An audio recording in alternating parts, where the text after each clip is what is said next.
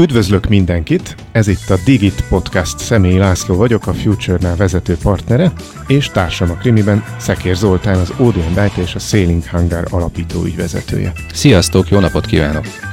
A Digit Podcast célja, hogy akit nem elégítenek ki a felszínes cikkek és a hangzatos jelszavak, az közelebb kerülhessen a digitalizáció és az informatika mai meghatározó trendjeihez. Mi itt a mélyére fogunk ásni a dolgoknak.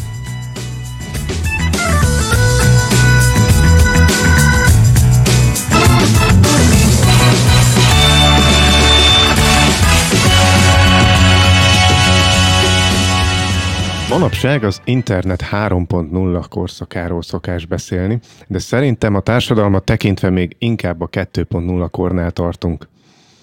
Az internet 1.0 alatt a leginkább szöveges honlapok időszakára, a drága, lassú, hosszú hozzáférések idejére, akár mint hőskorra is gondolhatunk, és akkor ehhez képest a 2.0 ideje lenne a közös munkával készített oldalak, meg a fórumok világa. Sokan ettől már a tudás demokratizálódását várták, vagyis, hogy ami eddig csak sok pénzért, vagy, vagy egyetemi, akadémiai, akár vállalati zárt ajtók mögött könyvekben volt elérhető, hát mostantól közkincs lesz. Mit szólnál, Zoli, ha ma a biztonsági meg az üzleti kérdések helyett kicsit erről beszélnénk? Hát örülnék neki, mert hogy generációváltás van. És a generációváltásban már lassan négy korosztály van jelen a munkaerőpiacon, ami indokoltá teszi, hogy nem mindig csak a biztonságról beszéljünk, hanem arról, hogy milyen ez a generáció, és hogy tudja ezt az oktatást jól kezelni. Meg hogy veszi át mondjuk a tudást az előző generációktól, vagy éppen ő adja a tudást az előző generációknak, erről is beszélgettem már sokat. Na most, ahogy a múlt alkalommal a mentális egészségre is, erre az internetes tudás világára is jónak láttuk egy harmadik szempárral együtt ránézni. Vendégünk Hortobágyi Ágoston, a DocuDrive és a Deksuli alapítója. Köszönjük, hogy bevállaltad. Én köszönöm a meghívást. Köszi, hogy itt vagy. Tényleg demokratizálódott a tudás szerintetek? Van egy meglátásom. Azt, azt látom, hogy azzal, hogy kinyitottuk a YouTube-ot, demokratizálódott, viszont a minősége az nem biztos, hogy megfelelő irányba indult el. Mit gondoltok erről? Tehát, hogy a demokratizálódás, mint olyan, az igen bekövetkezett, de hogy mit láttok, hogy épül be, hogy működik?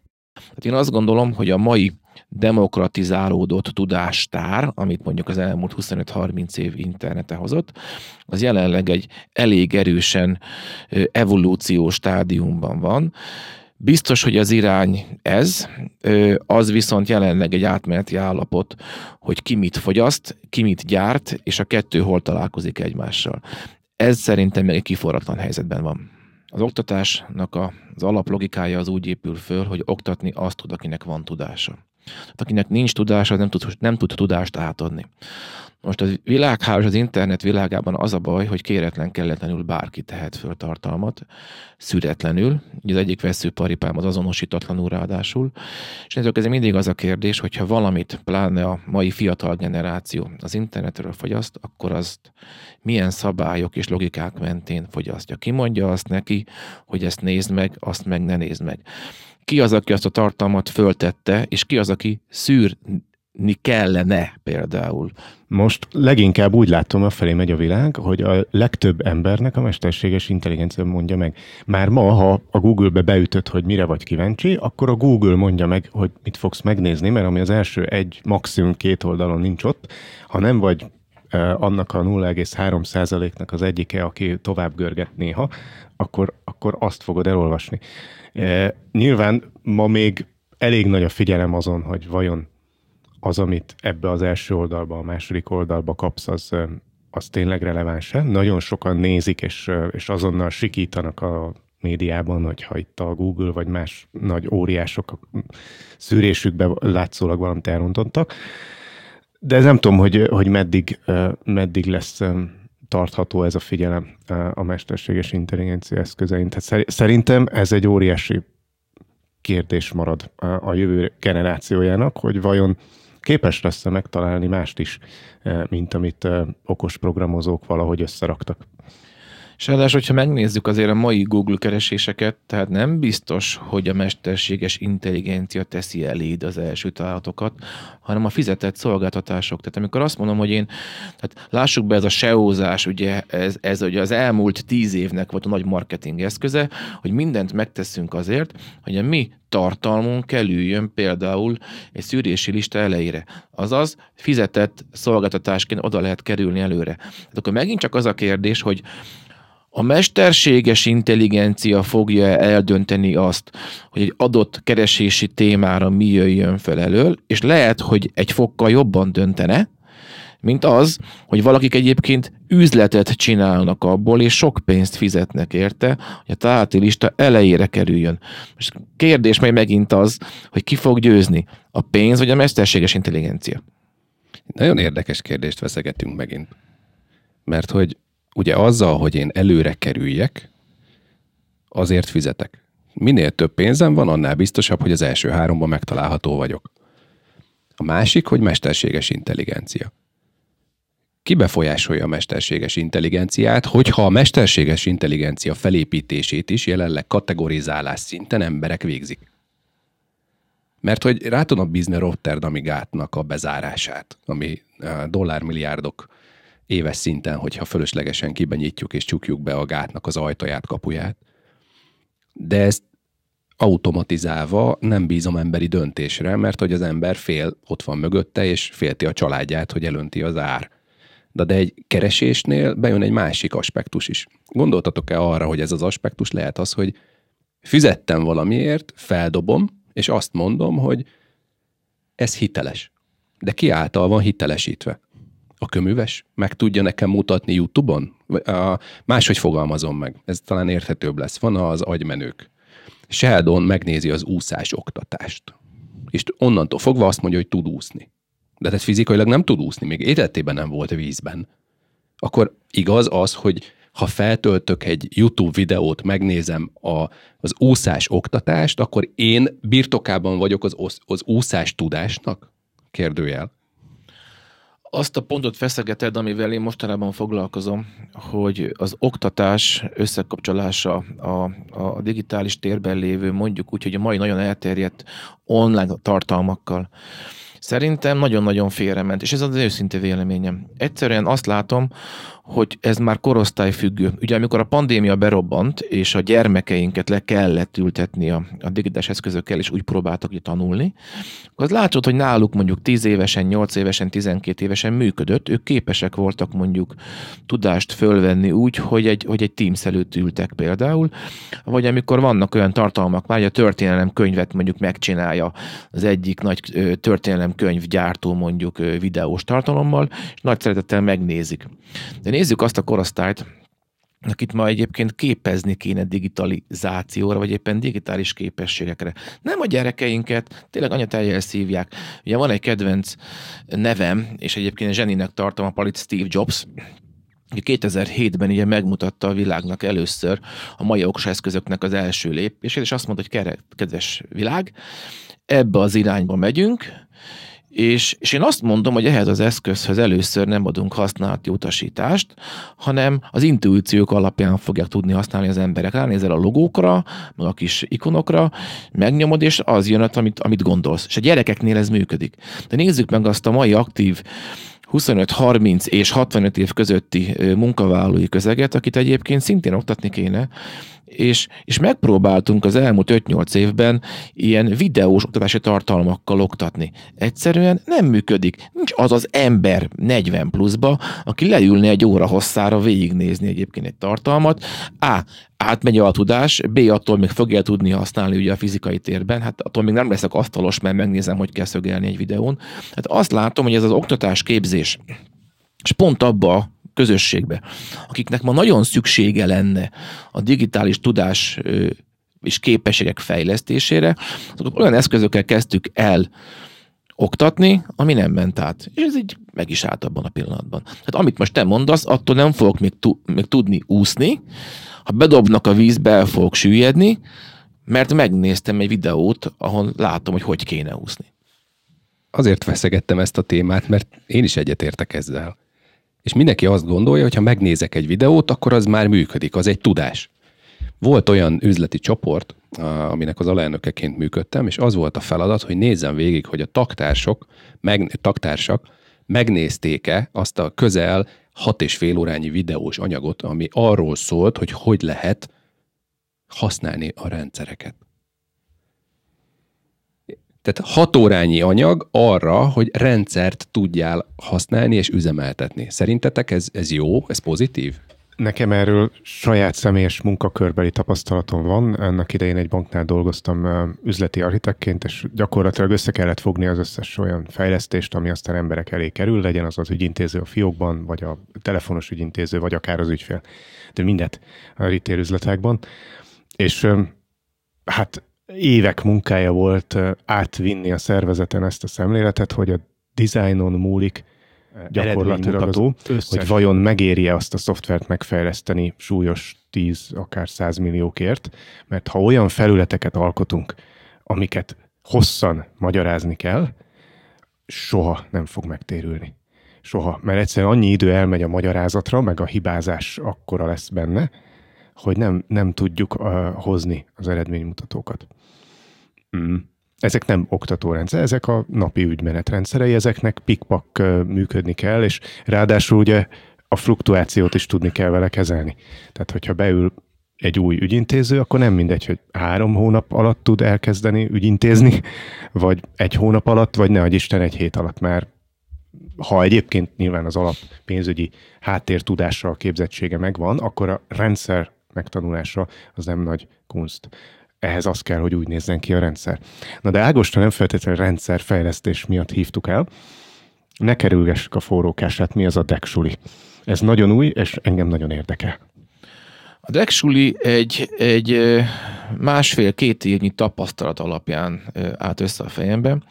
Egyszerűen ugye a felvezetésben ben is benne volt, hogy Document DocuDrive. Egy olyan fejlesztést vittünk a piacra az elmúlt öt évben, ami pontosan arról szólt, hogy hogyan kéne például minden egyes munkavállalót bekötni egy olyan folyamatba, egy olyan szoftverrel, ami, ami arra szolgál, például papírmentessé váljanak a HR folyamatok. Ugye azt szoktam mondani, hogy a fizikai térben minden egyes ember három képességével kapcsolódik be. Írástudás, olvasástudás, ezt megtanultuk általános iskola első másodikba, és a joghatás kiváltásának a képessége, tehát a jogszabályok adják nekünk 18 év fölött. Oda megyek bárhova, munkát akarok vállalni, el tudom olvasni és tudom értelmezni a munkaszerződést, és a 18 éves elmúltam, azonosítom magam az okmányaimmal, aláírok, annak joghatása van. Így kapcsolódunk a fizikai térbe. Ugye most mindenki tolja az arcunkba ezt a digitalizációt, jelentsen bármit is, és azt mondtam, hogy az ember nem ért, attól fél, amitől fél, az nem kell. És eljutottunk ahhoz a szigetszerű működéshez, én azt látom, egyébként előző témával összefüggésbe, hogy pont most hallottam egy konferencián, egy nagyvállalatnál átlagban 110 különböző szoftvert használnak, de még egy KKV-nál is legalább 40-et. Maga az informatikai átállás az elmúlt 15-20 évben olyan szigetszerű működést hozott a cégeknél, hogy még csak be tudunk vezetni egy könyvelő szoftvert, mert csak 10 embernek kell használni a 600-ból a könyvelőknek. Be tudunk vezetni egy, egy számlázót, mert csak háromnak kell használni.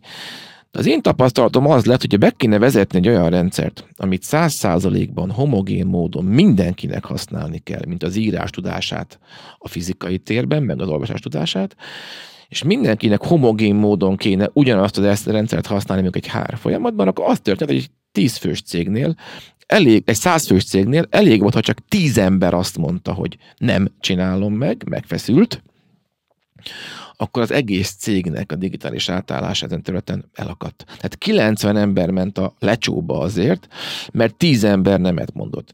És elkezdtem feszegetni azt, hogy miért mond az a 10 ember vajon nemet, vagy 20 a százból. És Első körben nem derült ki, de a folyosó beszélgetésekből csak kiderült az, hogy valójában az embereknek eszközhasználati problémája van. Ő nem azért nem akar regisztrálni mondjuk egy új eszközrendszerbe, egy informatikai applikációba, mert nem akar, csak nem meri bevallani, hogy nem tud.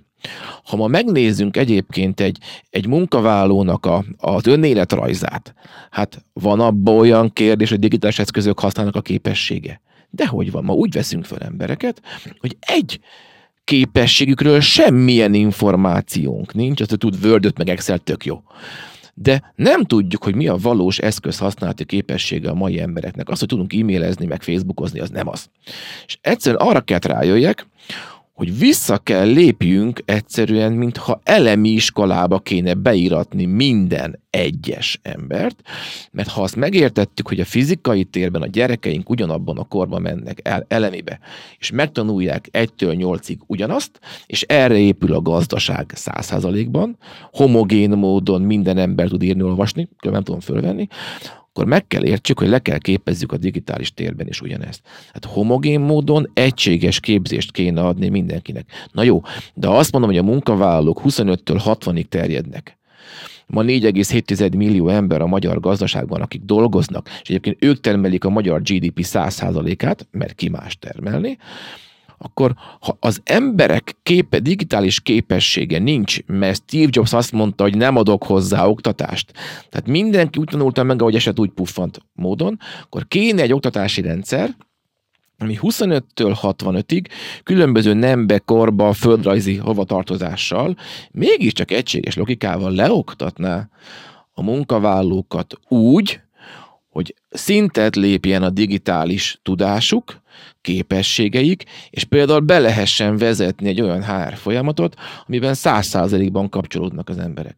Mert kiderült a folyosó beszélgetésekből, hogy képességhiány miatt nem regisztrálnak. Na ez a DEXULI, ez a Digitális Edukáció Képző Központnak a rövidítése, és arra hoztam létre a programot, nem tudom egyelőre azt mondani, hogy ez a, ez a spanyol viasz, de legalább összeraktam egy tervet, ami arra szól, hogy valamilyen logika mentén Magyarország összes munkavállalóját egységesen képezzük ki, úgy, hogy szintlépése legyen a cégeknek, és ezzel szintlépése legyen a magyar társadalomnak a digitális eszközök használatára. Ez a deksuli, és ez a logikája.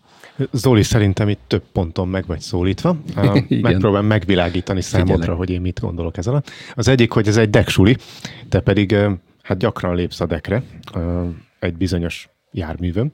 A másik uh, Nevezhetjük pont... pont konkrétan hajónak, tehát vitorlás hajónak hívhatjuk ezt Így a van, deck, sulit. A, gyorsan leleplezted itt a, a Elnézést, titkos, muszáj titkos volt. point. A, mert hát ugye a sailing hangar az nem mellesleg a, a fél életed. A, a másik pont, ahol, ahol meg vagy szólítva, ez a, ezek az applikációs kérdések. Ugye te elég sokat dolgozol különböző cégeknek azon a képességén, hogy hogyan tudnak applikációval jobban, hatékonyabban működni. Ezer és egy applikáció van, a vállalati és lakosság is, és akkor miért kell még egy, amit most Dexulinak hívunk, és most az Ágoston számomra elég jól megvilágította, hogy miért kell még egy, tehát őt biztos, hogy erről nem fog megkérdezni, de arra nagyon kíváncsi vagyok, hogy te, aki szintén látod ezt a az Aparmageddont, vagy Apokalipszist, ami a múltkor is igen, a múltkori adásban kerül, hívtad, és ezt tetszett. Te erről, erről mit gondolsz? Hát, ke- kettő dologról próbálsz meg most véleményt formálni, és azért a végén azt gondolom, hogy össze fog érni. Megpróbálom az elejétől a végéig úgy fölvezetni, hogy rövid is legyek és érthető, ami, Majd megvágjuk. ami ebből a szempontból azért érdekes, mert hogy maga a ceiling hangár az azért fontos, és kapcsolódik a Dexulival, mert mi digitális vezetőket képzünk. A digitális vezetők uh, nagy százaléka azért tud digitálisan képzést kapni, mert érti azt, hogy folyamat, amiben adatok keletkeznek, az adatok feldolgozásához pedig már önmagában egy logika szükséges, de honnan keletkeznek az adatok? Az appokból. Mindegy, hogy bizonyos értelemben 140 vagy kettő darab app használatát vezetjük be egy cégnél, ha tudjuk, hogy mire szeretnénk használni. 20 év tapasztalatából azt mondom, hogy nem tudjuk, miért kell. Azért kell, mert valamit hallottunk, és azt várjuk tőle, hogy jobb legyen. De a hozzáértésemet az applikációhoz nem fejlesztem.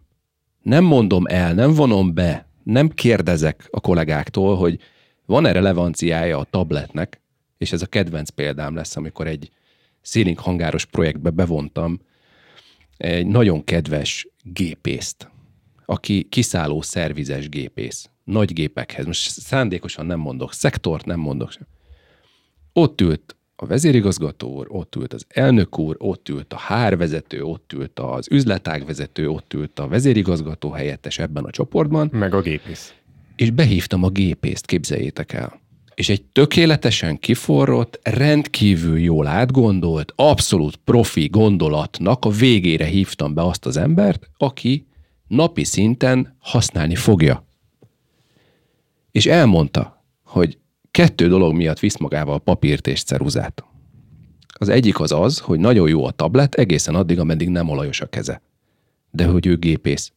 És olyan helyekre megy, ahol nem csak, hogy olajos lesz, hanem szügyig zsíros, innentől fogva összekeni a tabletet. Amikor neki a tablet használatára lenne, abban a méretben konkrétan nem fér oda a munkához, tehát nem tudja egyszerre használni a tabletet, mert fizikailag nem működik az érintő képernyője. Majd a következő, ami ebből a szempontból érdekes megfogalmazása volt, hogy ha a telefonom nem működik, mert nincs térerő azon a helyen, ahol szerelek, miből gondoljuk, hogy majd a raktárkészletből le fogom tudni mozgatni azt az alkatrészt, amit beépítek. És ki az, aki neki ki, kifizeti, kompenzálja, mindegy, hogy melyik szót használjuk. Szerintem mind a kettőnek van súlya és nyomatéka, hogy ő duplán dolgozik ugyanezzel. Tehát kimegyek, 8 órán keresztül végzem a munkámat jól, amiért engem el kell, hogy ismerjenek. Az én munkavégzésem, mint gépész, tehát most róla beszélek, az azt eredményezi, hogy hitelessé válik a cég, és az a készülék, aminek a szervizelését végzem. Majd ezek után, miután jól végeztem a munkámat, valaki fölhív a központból, aki életében nem volt még gép közelében, és megkérdezi tőlem, hogy miért írtam el egy számot, vagy miért nem vittem be a mezőt, mert hogy az automatikus applikáción keresztüli raktár kiszolgálás az, az nem működik egészen addig, ameddig én be nem viszem. Tehát ledolgozok 8 órát, majd elkezdek adminisztrálni. Mert hogy éppen úgy problémát jelenthet az, hogyha a folyamatot nem gondoljuk végig, és ezáltal többletmunka van, mint az, hogyha egyébként a folyamat tök jó lenne, csak az az ember, akinek használnia kéne azt az applikációs felületet, az még magának sem biztos, hogy bevallja, hogy, hogy nem fogja tudni használni. Nekem egyébként megütötte a fülemet az Ágoston egyik mondata, hogy, hogy úgy veszünk fel embereket, hogy semmit nem tudunk arról, hogy ő, ő digitálisan mennyire otthonos, talán ezt a szót tudnám mondani, mennyire zsigerből könnyen használja a digitális eszközöket. Én szerintem még pontosabb az a megfogalmazás, hogy arról nem tudunk semmit, hogy mennyire tanulékony az a kollega, akit felveszünk. És itt rögtön két dolog van a tanulékonyságnál. Az egyik, hogy hajlandó tanulni, motivációban az a minimum szint megvan neki, hogy nem, nem kezdek el vitatkozni és duzzogni, és, és nem lesz negatív érzésem, hogyha tanulni kell. A másik meg, hogy adott idő alatt mennyit tudok megtanulni, mennyi újdonságot. Ezt nézitek a Dexulinál, vagy egyáltalán ez a rendszer, amit most így kezdesz fölépíteni, ez, ez tényleg egyéni képességekre szabott? Na most visszamegyünk akkor az elejéhez, és köszönöm, mert azt gondolom, hogy pontosan ugyanezen gondolatok mentek végig bennem is, amikor ugye összeraktam a Dexuli programot. Nézzük meg, hogy ez egy négyszintű képzés. Ugye azt mondtuk, hogy az elején, hogy tök jók ezek a videós oktatások, de azt gondolom, hogy a mai aktív munkavállalókkal személyesen kell találkozni. A második feltevésem az volt a program kialakításánál, hogy nem láttam még munkában lévő embert, aki a cég érdekében lett volna tanul, hajlandó tanulni.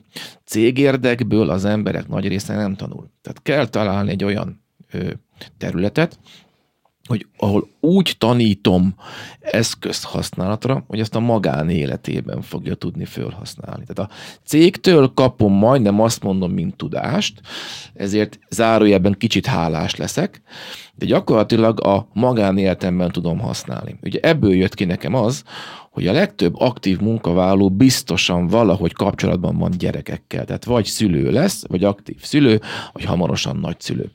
És így raktam össze azt a programnak az első lépcsőt, digitális szülőkurzus, ami azt jelenti, hogy valójában a munkavállalóknak egy magán életben, talán a legfontosabb értékük mentén, a gyerekek mentén egy szülő-gyerek kapcsolati ö, programról van szó, hogy hogyan tudom a gyerekemet a digitális térbe beengedni, milyen szabályok mentén, vagy éppen hogyan tudom a telefonját az övével enyémet összekötni, és tulajdonképpen egy fizikailag is gyakorlati oktatásban menő szülő-gyerek közötti eszköz használati folyamatot oktatunk le személyesen. Na most mi ennek a létjelentősége? Pont amit most mondtál. Hogy a második lépcsőt pedig úgy neveztem el, hogy digitális munkavállaló minősítés. Ugyanis, amikor éppen oktatjuk a aktív szülői tudásra és eszköz használatra a munkavállalót, akkor pontosan látja az oktató, hogy az a személy, ha még a gyerekével kapcsolatban sem hajlandó tanulni, akkor miért tanulna a munkájával kapcsolatban?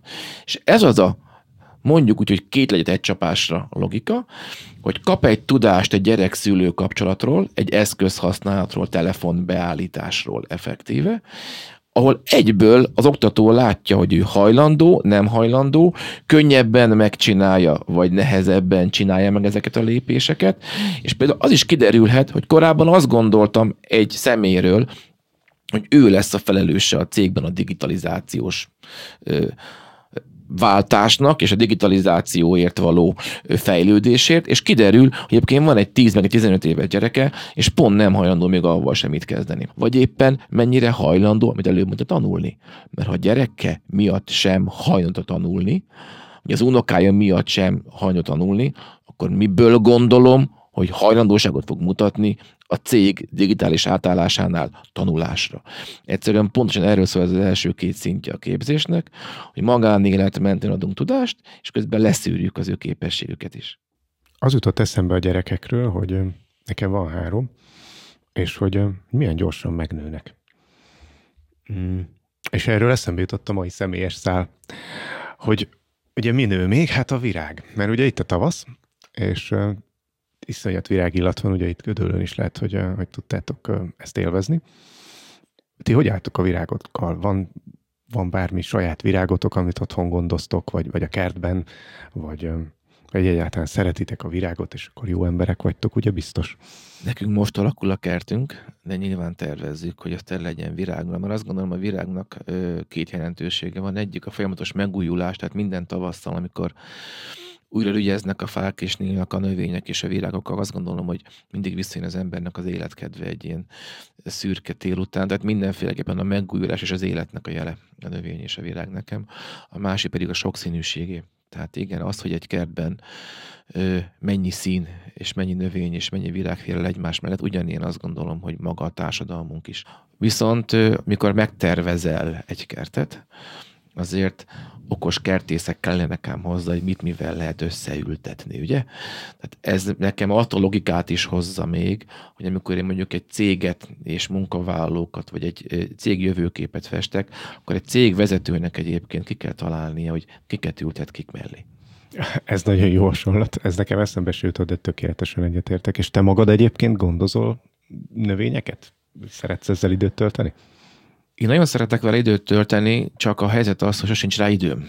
Tehát amikor, amikor ezzel foglalatoskodhatnék, akkor addigra annyira elfáradok mondjuk általában munkában, hogy inkább alszok helyette, vagy pihenek. A feleségem sokkal jobban szereti ezt csinálni, és ő is nagyon fárad, de őt például föltölti a növényekkel való foglalatoskodás. Én inkább szeretem őket látni, nézni de, de ugyanakkor azt gondolom, hogy megint csak hasonló visszatérve, ha nem foglalkozok a, nem foglalkozol a növényekkel, akkor elbúrjánzanak, gazossá válik a kert, és onnantól kezdve előbb-utóbb nem tudsz vele mit csinálni. Ha a céget nézem, ugyanúgy, ha nem foglalkozol a kollégákkal, a képzésükkel és a jövőjükkel, elbúrjánzanak és átveszik a vezetést. A kertész kertje.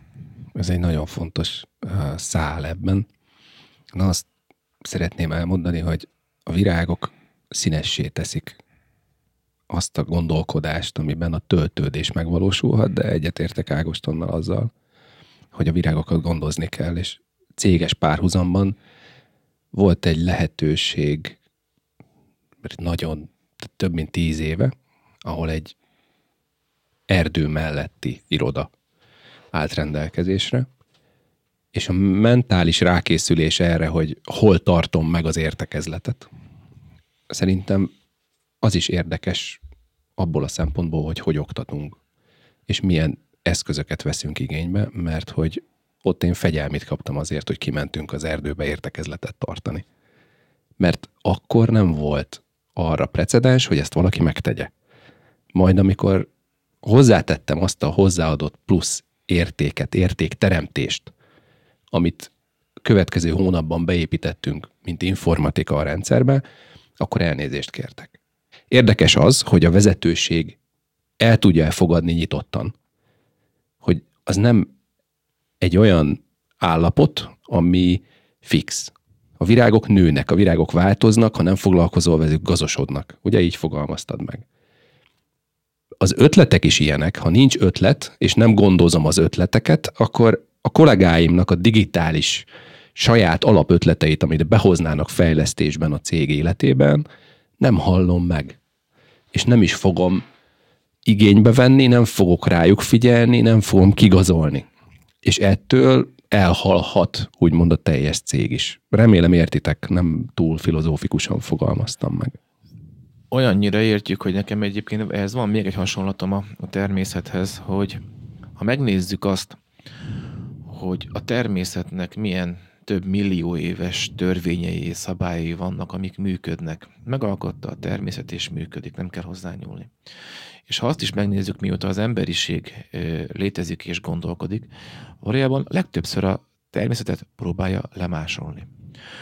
Ha azt vesszük, hogy amikor elkezdett az ember azzal foglalkozni, például repüljön, nem kellett magától kitalálni a szárnyat, hanem megnézte, hogy működik a természetben, és megértette, mi az, hogy felhajtó erőtől kezdve bármi. Tehát a természetnek olyan csodálatos alapszabályai vannak, és törvényei vannak, és olyannyira készen kapjuk, hogy szerintem egy okos embernek, vagy egy, akár egy cégvezetőnek nem kell más tennie, mint ránézni a természetnek az alaptörvényeire, és ha okos vagyok, és megértem azt, hogy az ott működik, és mitől és miért működik, egyszerűen csak legyek bátor lemásolni. A természet nem rak össze logikátlanul egy erdőbe ajnövényzettettől kezdve rosszul, hanem úgy rakja össze, hogy ez nőni fog mindegyik. Ezek nagyon jó szabályokat lehet szerintem el lehet csinni a természettől, és ezt ha átveszem egy cégvezetésbe és cégépítésbe, és használom, amit te is használtál, hogy kiviszem az embereket a természet közelbe, és hagyom, hogy egy kicsikét átjutatódjanak ezzel a világgal, akkor tudja, sokkal jobban fognak működni. Mert megértjük, hogyan működik a természet. Nincs más dolgunk, csak lemásolni. Vagy tovább gondolni. Ez két dolgot rögtön eszembe jutott, hogy a természetben vannak együtt élések, szimbiózisok, meg vannak élősködő fajok. És azt hiszem, hogy ezt a cégbe is, a más nem a legutóbbi alkalommal azért előkerült, hogy, hogy vannak olyan emberek, akik igazából élesködőként működnek a szervezetben. Ezeket ki kell gyomlálni ahhoz, hogy ne öljék meg a többit. Viszont ha együtt élő rendszert tudunk alkotni, az valóban mindenki virul, és hosszú távon is virul. A másik gondolatom, egyszer hallgattam a Kevin Kelly-t, a Wired magazinnak az alapítóját, négy-öt évvel ezelőtt beszélni az a mesterséges intelligenciáról, ami akkor azért még nem volt annyira beszélt téma, nem volt annyiféle példa, mint manapság, és ő pont a repüléssel világította meg, hogy, hogy ő hogyan gondolkodik erről, meg hogy, hogy szerinte hogyan halad a mesterséges intelligencia fejlesztés, hogy amíg az ember úgy próbált meg repülni, ahogy a madarak, addig nem ment neki. Ugye még Leonardo idejéből is ott vannak ezek a szárnyak, amit majd lebegtetni kell, és akkor az olyan, olyan mechanikát kerestek, amivel a lebegtetést a karmozdulatunkból meg tudjuk úgy erősíteni, hogy az elég felhajtó erőt generáljon, és nem működött. És abban a pillanatban, amikor elkezdtünk újra gondolni, vagy tovább gondolni, talán ez a jobb szó, a repüléssel kapcsolatos törvényeket, akkor rájöttünk, hogy tolóerőre van szükség, vagy húzóerőre, minden esetre egy olyan erőre, e, ami felhajtó erőt tud generálni a szárnyon. Onnantól kezdve volt repülés, és egyre nagyobb és gyorsabb gépeket is tudtunk csinálni. És azt mondja Kevin Kell, hogy a mesterséges intelligenciánál is az hozott áttörést, amikor nem az emberi intelligenciát kezdtük el megpróbálni újra alkotni, vagy megalkotni egy gépben, hanem egy újfajta intelligenciát kezdtünk el a gépbe programozni. És ezért is van az, hogy ez a general intelligence, amit mondanak, ez, ez nagyon messze van, mert hogy egyszerűen a természet egy, egy elég érdekes dolog, nagyon-nagyon komoly teljesítmény van a teremtésben, ha szabad így mondanom, amit mi egy teremtett lényként szerintem nem csoda, hogy nem tudunk egykönnyen újra produkálni ezt a teljesítményt. És akkor itt tovább is fűzném egy picit a, a mai adást, mert hogy az elmúlt alkalmakkor azért elég sokszor megfogalmaztuk, hogy digitális eszközök használata, fú, nagyon alap ez a a növekedésnek, a fejlődésnek sok szempontból a gátja, de a kulcsa is, hogy a személyes hatékonyságunk is, a vállalati hatékonyságunk is függ attól, hogy ezeket tudjuk-e használni. Az sem az egyetlen mérce, hogy hatékonyak vagyunk, mert az egészség is legalább annyira fontos, mert attól lesz fenntartható meg az emberi kapcsolatok mennyire fontosak, mert amikor a gép valamit nem tud, vagy amikor a gépet be kell állítani, lásd gépész, akkor az nem mindegy, hogy van-e egy kapcsolatom egy gépésszel, aki megcsinálja, amit kérek tőle. És itt a gépész alatt nem csak az olajos gépészt kell érteni, hanem akár a mesterséges intelligencia szakértő is ember. Um, az a kérdésem, hogy, hogy van egyébként erre egy, egy lista, hogy mik ezek a, a digitális készségek, amiket az emberekben akarunk fejleszteni? Itt most az elején elkezdted mondani, hogy, hogy nem tudjuk, hogy, hogy mennyire ért hozzá, de hogy ez csak így magas szinten létezik, hogy nem tudom, digitális képessége, digitális eszköz használat képessége, vagy ezt le lehet egy picit bontani ilyen részekre, és akkor külön-külön fejlesztgetjük, vagy akár legalább megtesztelhetjük külön, hogy mit értünk ez alatt, és ebben jó vagyok, ebben még nem. Van ilyen? Egyszerűen a digit digitalizáció, vagy a digitális átállás, hogyha meg kéne jól fogalmaznom, az nem más ugye, mint analógra átállni valami digitális jelekre, de hogyha ezt le akarom a hétköznapi ember nyelvére fordítani, az valójában de semmi másnak nem az igénye, mint hogy személyes találkozás nélkül adjak át adatokat és információkat. Ebből fakadóan, mint előbb említettem, volt egy Steve Jobsunk 16 évvel ezelőtt, kezünkbe adta ezt az okos eszközt. Nem gondoltuk volna, hogy akkor voltak a nagy világ márkák, akik nyomógombos telefonokat mondtak, és azt mondták, ez hülyeség, nem ez a jövő. Ma meg én csak úgy mondom, hogy digitális svájci bicska. Amikor mi még gyerekkorunkban túráztunk, akkor a svájci bicska volt a zsebünkben, jobb esetben nem ö, eredeti volt, és nem valamilyen gagyi lengyel piacos másolat, de örültünk annak is, ha az volt, meg volt rajta olló, meg fűrész, meg kés, és, és, és még sok minden más, és elmentünk túrázni, és abból oldottunk meg mindent, tudtuk az eszközt használni. Szerintem ma az 1.0, vicc az, hogy itt tartunk 1.0, ennek a digitális svájci bicskának a tökéletes használata. Ö, mert erre épül rá minden. Sőt, ha megnézzük egyébként jelenlegi kormányprogramot, 2026-ra a digitális állampolgárság programot, az is arra épül fel, hogy legyek azonosított a digitális térbe, és tudjak egyébként aláírni, szerződni, postázni, dokumentumokat kezelni. Mivel? Telefonnal. Sen, ma, már, ma már PC-ben szinte senki nem gondolkodik. Mindenkinek a zsebében ott van a digitális svájci bicskaként egy komplet számítógép. 20 évvel ezelőtt nem gondoltuk volna, hogy ez ekkorára össze fog menni. Szerintem ma az alapképességet egyelőre le kell fordítani mobiltelefon használatra, mert látom a saját gyerekeimen, hogy ő tíz évesen beállította a telefonon azt például, hogy megköszöni a telefon, hogyha fölteszi töltő töltőre, és megköszönjük, mikor lehúzza a töltőről. Eszem ágában nem lett volna olyan kombináció megnyomkodni a telefonomat, hogy ő megnyomkodta. Mert ő nem fél tőle, hogy adatot fog veszíteni.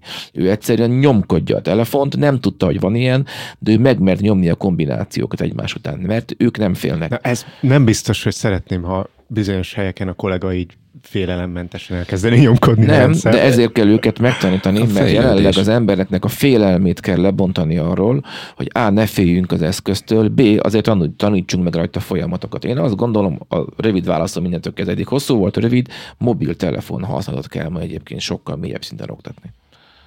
Én egyetértek. Nekem egy kiegész, nem, kettő kiegészítésem lesz. Az egyik, hogy svájci bicskát emlegetünk. Mi a jó a svájci bicskában? Ergonomikus, kézre áll, tudom magammal vinni. Olyan, mint a papírceruza.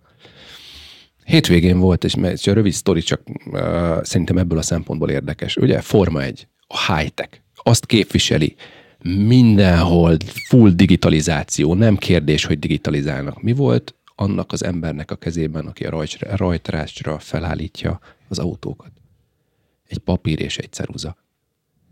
Mert nem ergonomikus az az eszköz, amit megpróbálunk a kezébe adni. A másik, hogy jelen pillanatban az amerikai haditengerészet repülőgép anyahajóin pontosan le van képezve kicsi játékokkal, csavarokkal az a deck, ahol a repülőgépek vannak, leszállnak és irányítják őket, mert félünk A. a hibázástól, B. Félünk az elektronikus eszközök meghibásodásakor bekövetkező adatvesztéstől. Ez az a félelem, ami táplál. Tehát ha én telefont veszek a kezembe, hogy fogalmaztad meg? Nem szeretném látni, hogy hibázik a kollega. De de miért? Hát abból tanul. A hibázásból fog tanulni. Velem ordított már rendszerfejlesztő azért, mert elrontottam az ő programját. De mondtam neki, hogy örülj neki. Hát azért, rontott, azért ronthattam el, mert megtaláltam benne a bagot. Illetve mondtam azt is, hogy nem bug, hanem future. Tehát future no. Ebből a szempontból. És nálam működik. És nálad működik. Nem Tehát, hiba, az csak mással lesz jó. Igen, tehát és nagyon, nagyon érdekes az a dolog, és itt most szeretnék egy picit a, a Galambos Péter vonalon behozni, Óbudai Egyetem beszéltünk róla. Nekik van egy elképesztően érdekes új gondolkodásuk. Én a Széling hangárban Edward Bónót használom, hat kalap elvében, hogy lehet különböző problémákat megoldani, hogy lehet különböző aspektusból megközelíteni ugyanazt. Mert belefásolunk, tehát már a problémát nem vetjük föl, nem tűnik problémának, már elfáradtunk. És Péteréknek az volt a zseniális ötlete, hogy ez, ezt az egészet tegyük egy virtuális térbe.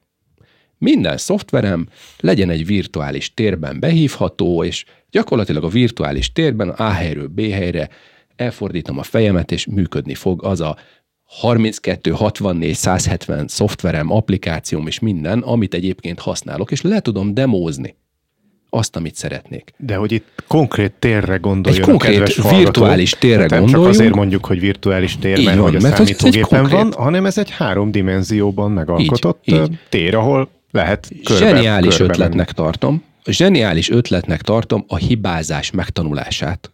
És előjött, tehát magát a tesztelési folyamatot. És mindezek mellett ugye beszéltünk arról, hogy vállalat meg digitális eszközök. Interaktív tábla. Tudjuk-e, hogy mire jó az interaktív tábla? Ez egy nagyon érdekes kérdés. Szintén, és ha már Gödöllőn vagyunk, Gödöllői Egyetem, tehát hogy én, az én hazám Gödöllői Egyetem volt majdnem négy éven keresztül, és volt egy mintaprojekt, amit kipróbálhattam, és köszönöm szépen az egyetem vezetőségének, hogy engedte, hogy 17 darab oktatói vagy uh, szemináriumi terembe felszereltünk 2009-ben digitális, interaktív táblákat, úgy, hogy ezeket összekötöttük az oktatói rendszerekkel, és a Neptunnal, és a hozzátartozó, akkor Moodle-nek hívták magát a, a szoftveres megoldást a vizsgákra.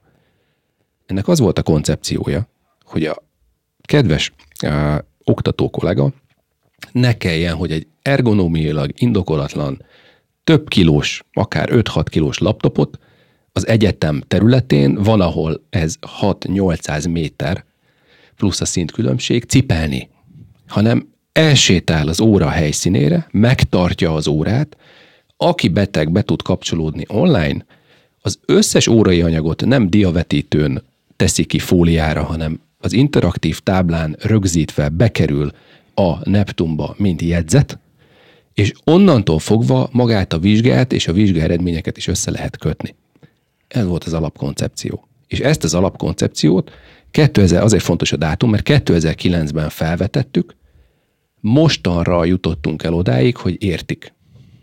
Ez nem az iskola hibája, hanem annak a eszköz, oktatás, amit az Ágoston említett, hogy honnan érkeznek.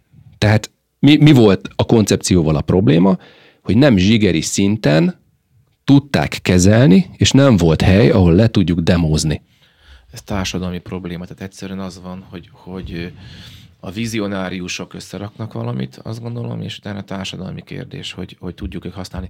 Egyébként én nemrég összeraktam négy, négy pontot. Nagyon, soka, nagyon sokan kérdeznek sok mindenről, mit gondolok mondjuk egy mesterséges intelligenciáról, vagy bármilyen digitális és innovációs állapotról. És mondtam, hogy tulajdonképpen elkezdtem gondolkozni, és összeraktam mondom négy olyan pontot, amit ha bárki ezt a négy pontot végigelemzi, akkor saját maga is képes választ adni arra, hogy érdemes-e ezzel foglalkozni, vagy nem. Az első négy pont azt szoktam mondani, az első, meg tudom-e alkotni, tehát mind ember le tudom-e fejleszteni, gyártani. A második, tudok-e hozzá egységes jogszabályi hátteret teremteni.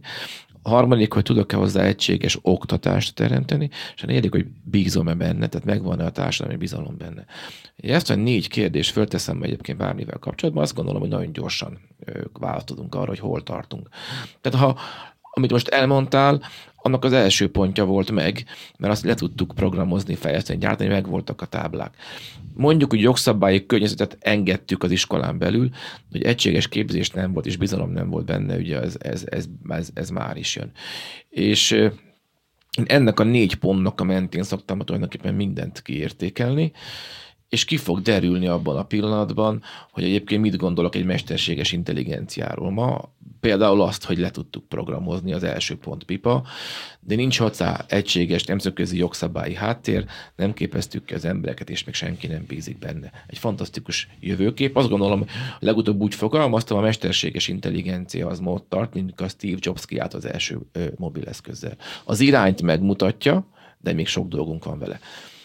Ez egy nagyon jó uh, példa ez a, ez a Steve Jobs, mert erre eszembe jut, hogy um, egyébként neki majdnem másfél évig nem merték elmondani, hogy elkészült az első prototípusa az iPhone-nak, mert amikor másfél évvel korábban uh, egyszer valaki azt mondta egy uh, ilyen nagyobb kijelzőre, érintő kijelzőre, hogy ezt szerinte meg lehetne csinálni így így ilyen kézben elférő kisebb méretre, akkor ő majdnem kiüldözte a teremből, hogy ez micsoda hülyeség, senki nem akar a kezébe ilyen izéket nyomkodni, hát ez műtyűr, nem, tehát hogy normális nyomógombot kell adni a kezedbe, ez meg jó lesz majd így az asztalon.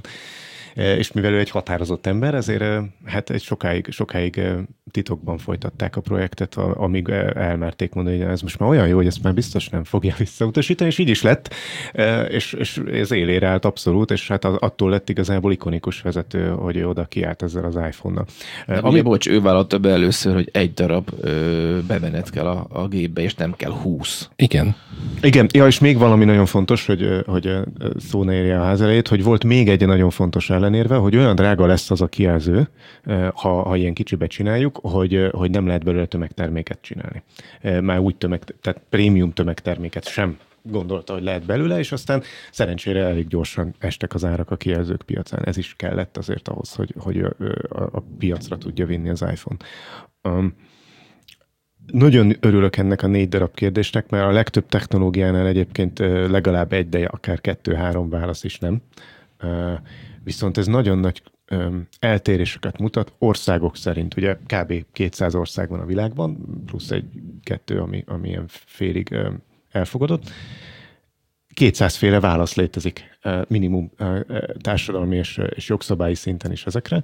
És az a helyzet, hogy ez egy egyre durvább különbséghez vezető verseny.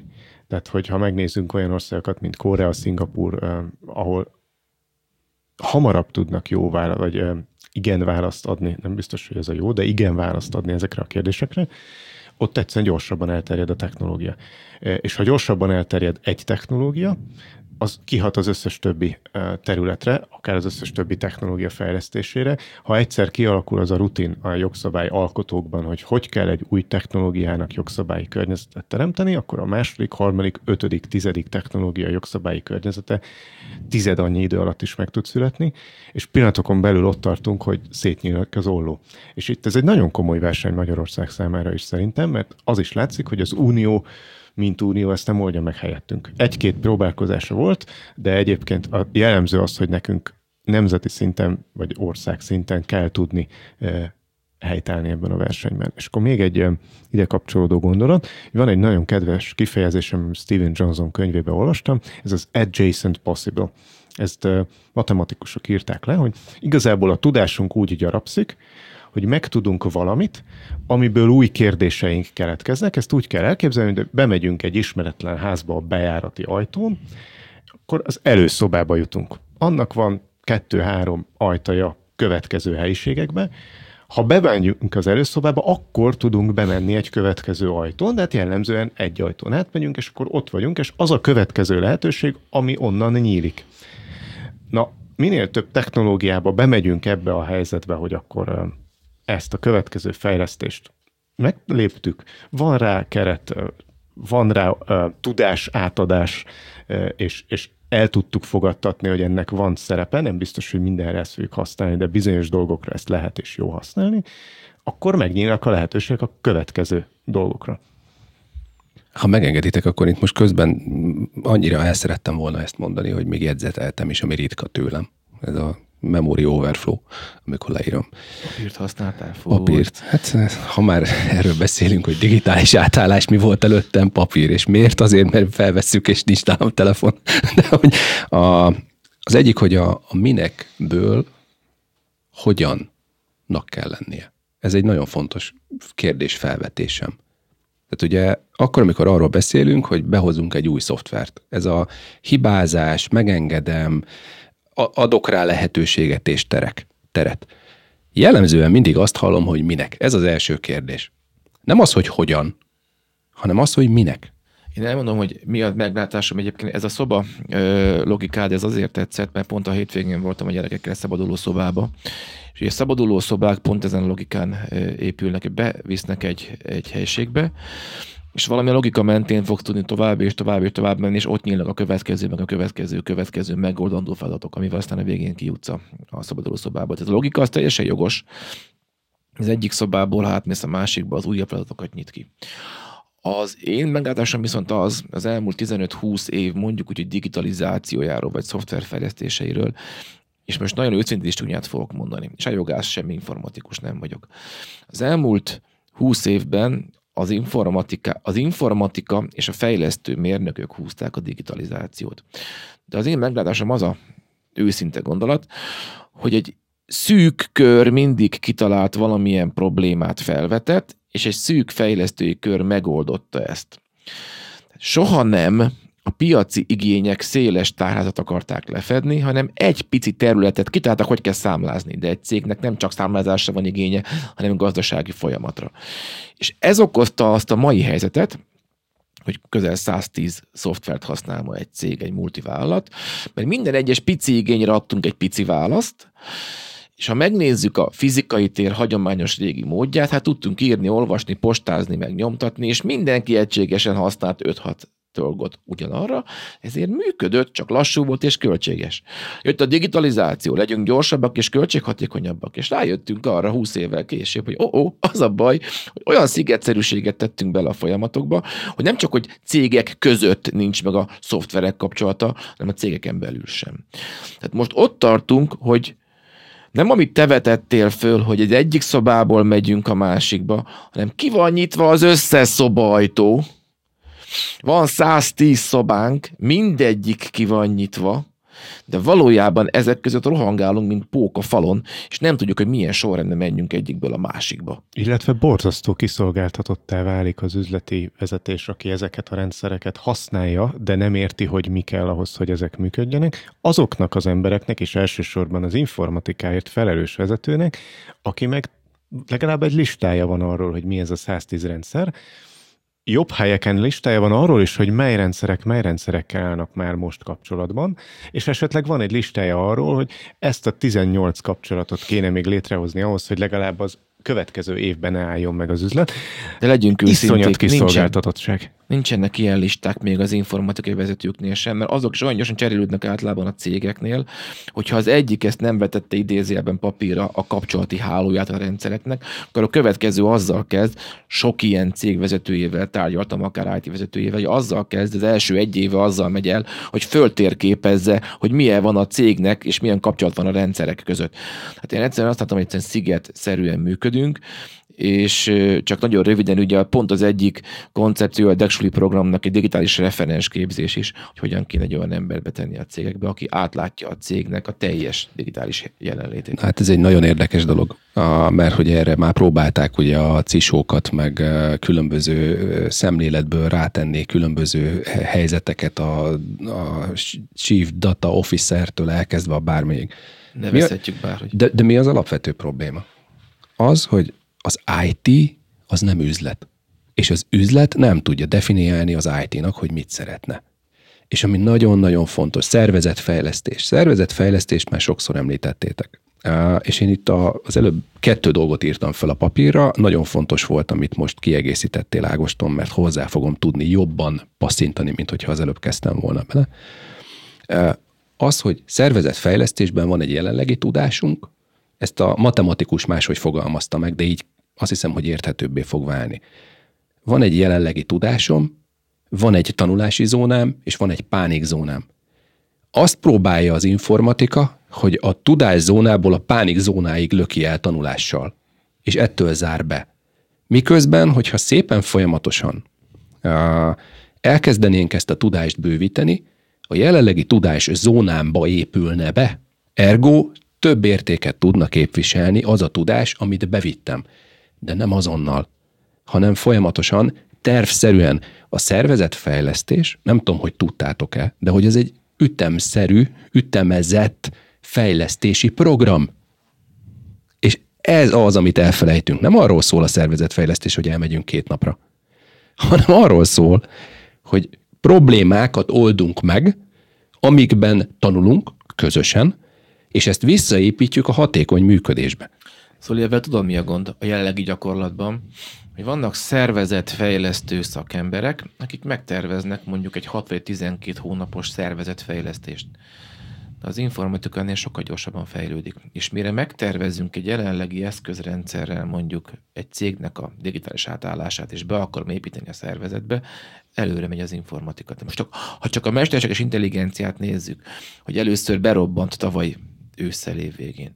Most már az olaszok betiltották. Most már Elon Musk is azt mondja, hogy fékezni kell. Akkor melyikhez alkalmazkodj? Ez három hónap alatt volt képes összehozni a világ egy darab témával, a mesterséges intelligenciával kapcsolatban, hogy berobbant, valakik elkezdtek ráépítkezni, mert hogy a piaci előnyt fogunk ezzel hozni, majd azt mondja a világ egyik ország, hogy potty, és még a legnagyobb hangadó is azt mondja, hogy fékezzünk.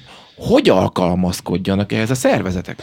Ez nagyon egyszerű, a, a legtöbben sehogy. Azért van az, hogy ma az S&P 500, az 500 amerikai, legnagyobb amerikai vállalatnak az átlag életkora negyed annyi, mint mondjuk 50 évvel ezelőtt mert egyszerűen nem tudnak alkalmazkodni, és, és szétesnek, vagy csődbe mennek, vagy felvásárolják, és így tovább. Nekem az jutott eszembe erről, ami, amiről itt beszélgettek, hogy tulajdonképpen visszajutottunk a személyes szálhoz, amit egy ilyen pihenőnek szántam, de hát igazából nekem van egy informatikai vezetőm, aki a kertész, meg van az üzletem, aki az otthonában lakó háztulajdonos és igazából nem tudja megmondani a kertésznek, hogy ő mit szeretne, anélkül, Így. hogy a kertész elkezdené sorolni a lehetőségeket. De ha már sorolja a lehetőségeket, akkor olyan sok van, hogy azután sem biztos, hogy sokkal könnyebb a döntés. Két egészen hasonló területen dolgozó cégnek a vezetői is dönthetnek másképp, hogy más környezetben élik komfortosabban magukat, és vezetik, és lehet, hogy minden út Rómába vezet. Lehet, hogy egyik több informatikai rendszerrel, másik meg megmaradt analóg világgal gazdasági eredmény ugyanoda fognak elérni. Ez marha nehéz, mert megint csak ott tartunk, hogy személyre szabás. Hát és a végén ott van, hogy kimerjük-e próbálni, merünk-e hibázni, és merünk-e abban elgondolkozni, hogy van más út. Nagyon-nagyon érdekes az a megközelítés, hogy a kertész kertje azon belül most az IT vezetőnek kell kitalálni, hogy így nézzen ki egy cég, vagy van a cégvezető, aki meg tudja mondani, hogy mit szeretne csinálni az elkövetkezendő öt évben. Legyen egy, legyen három, tök mindegy. Itt kéne indulni. Azt gondolom, hogy az Nem? IT-nek és az informatikának és a jognak a cég gazdasági jövőképét kell kiszolgálni.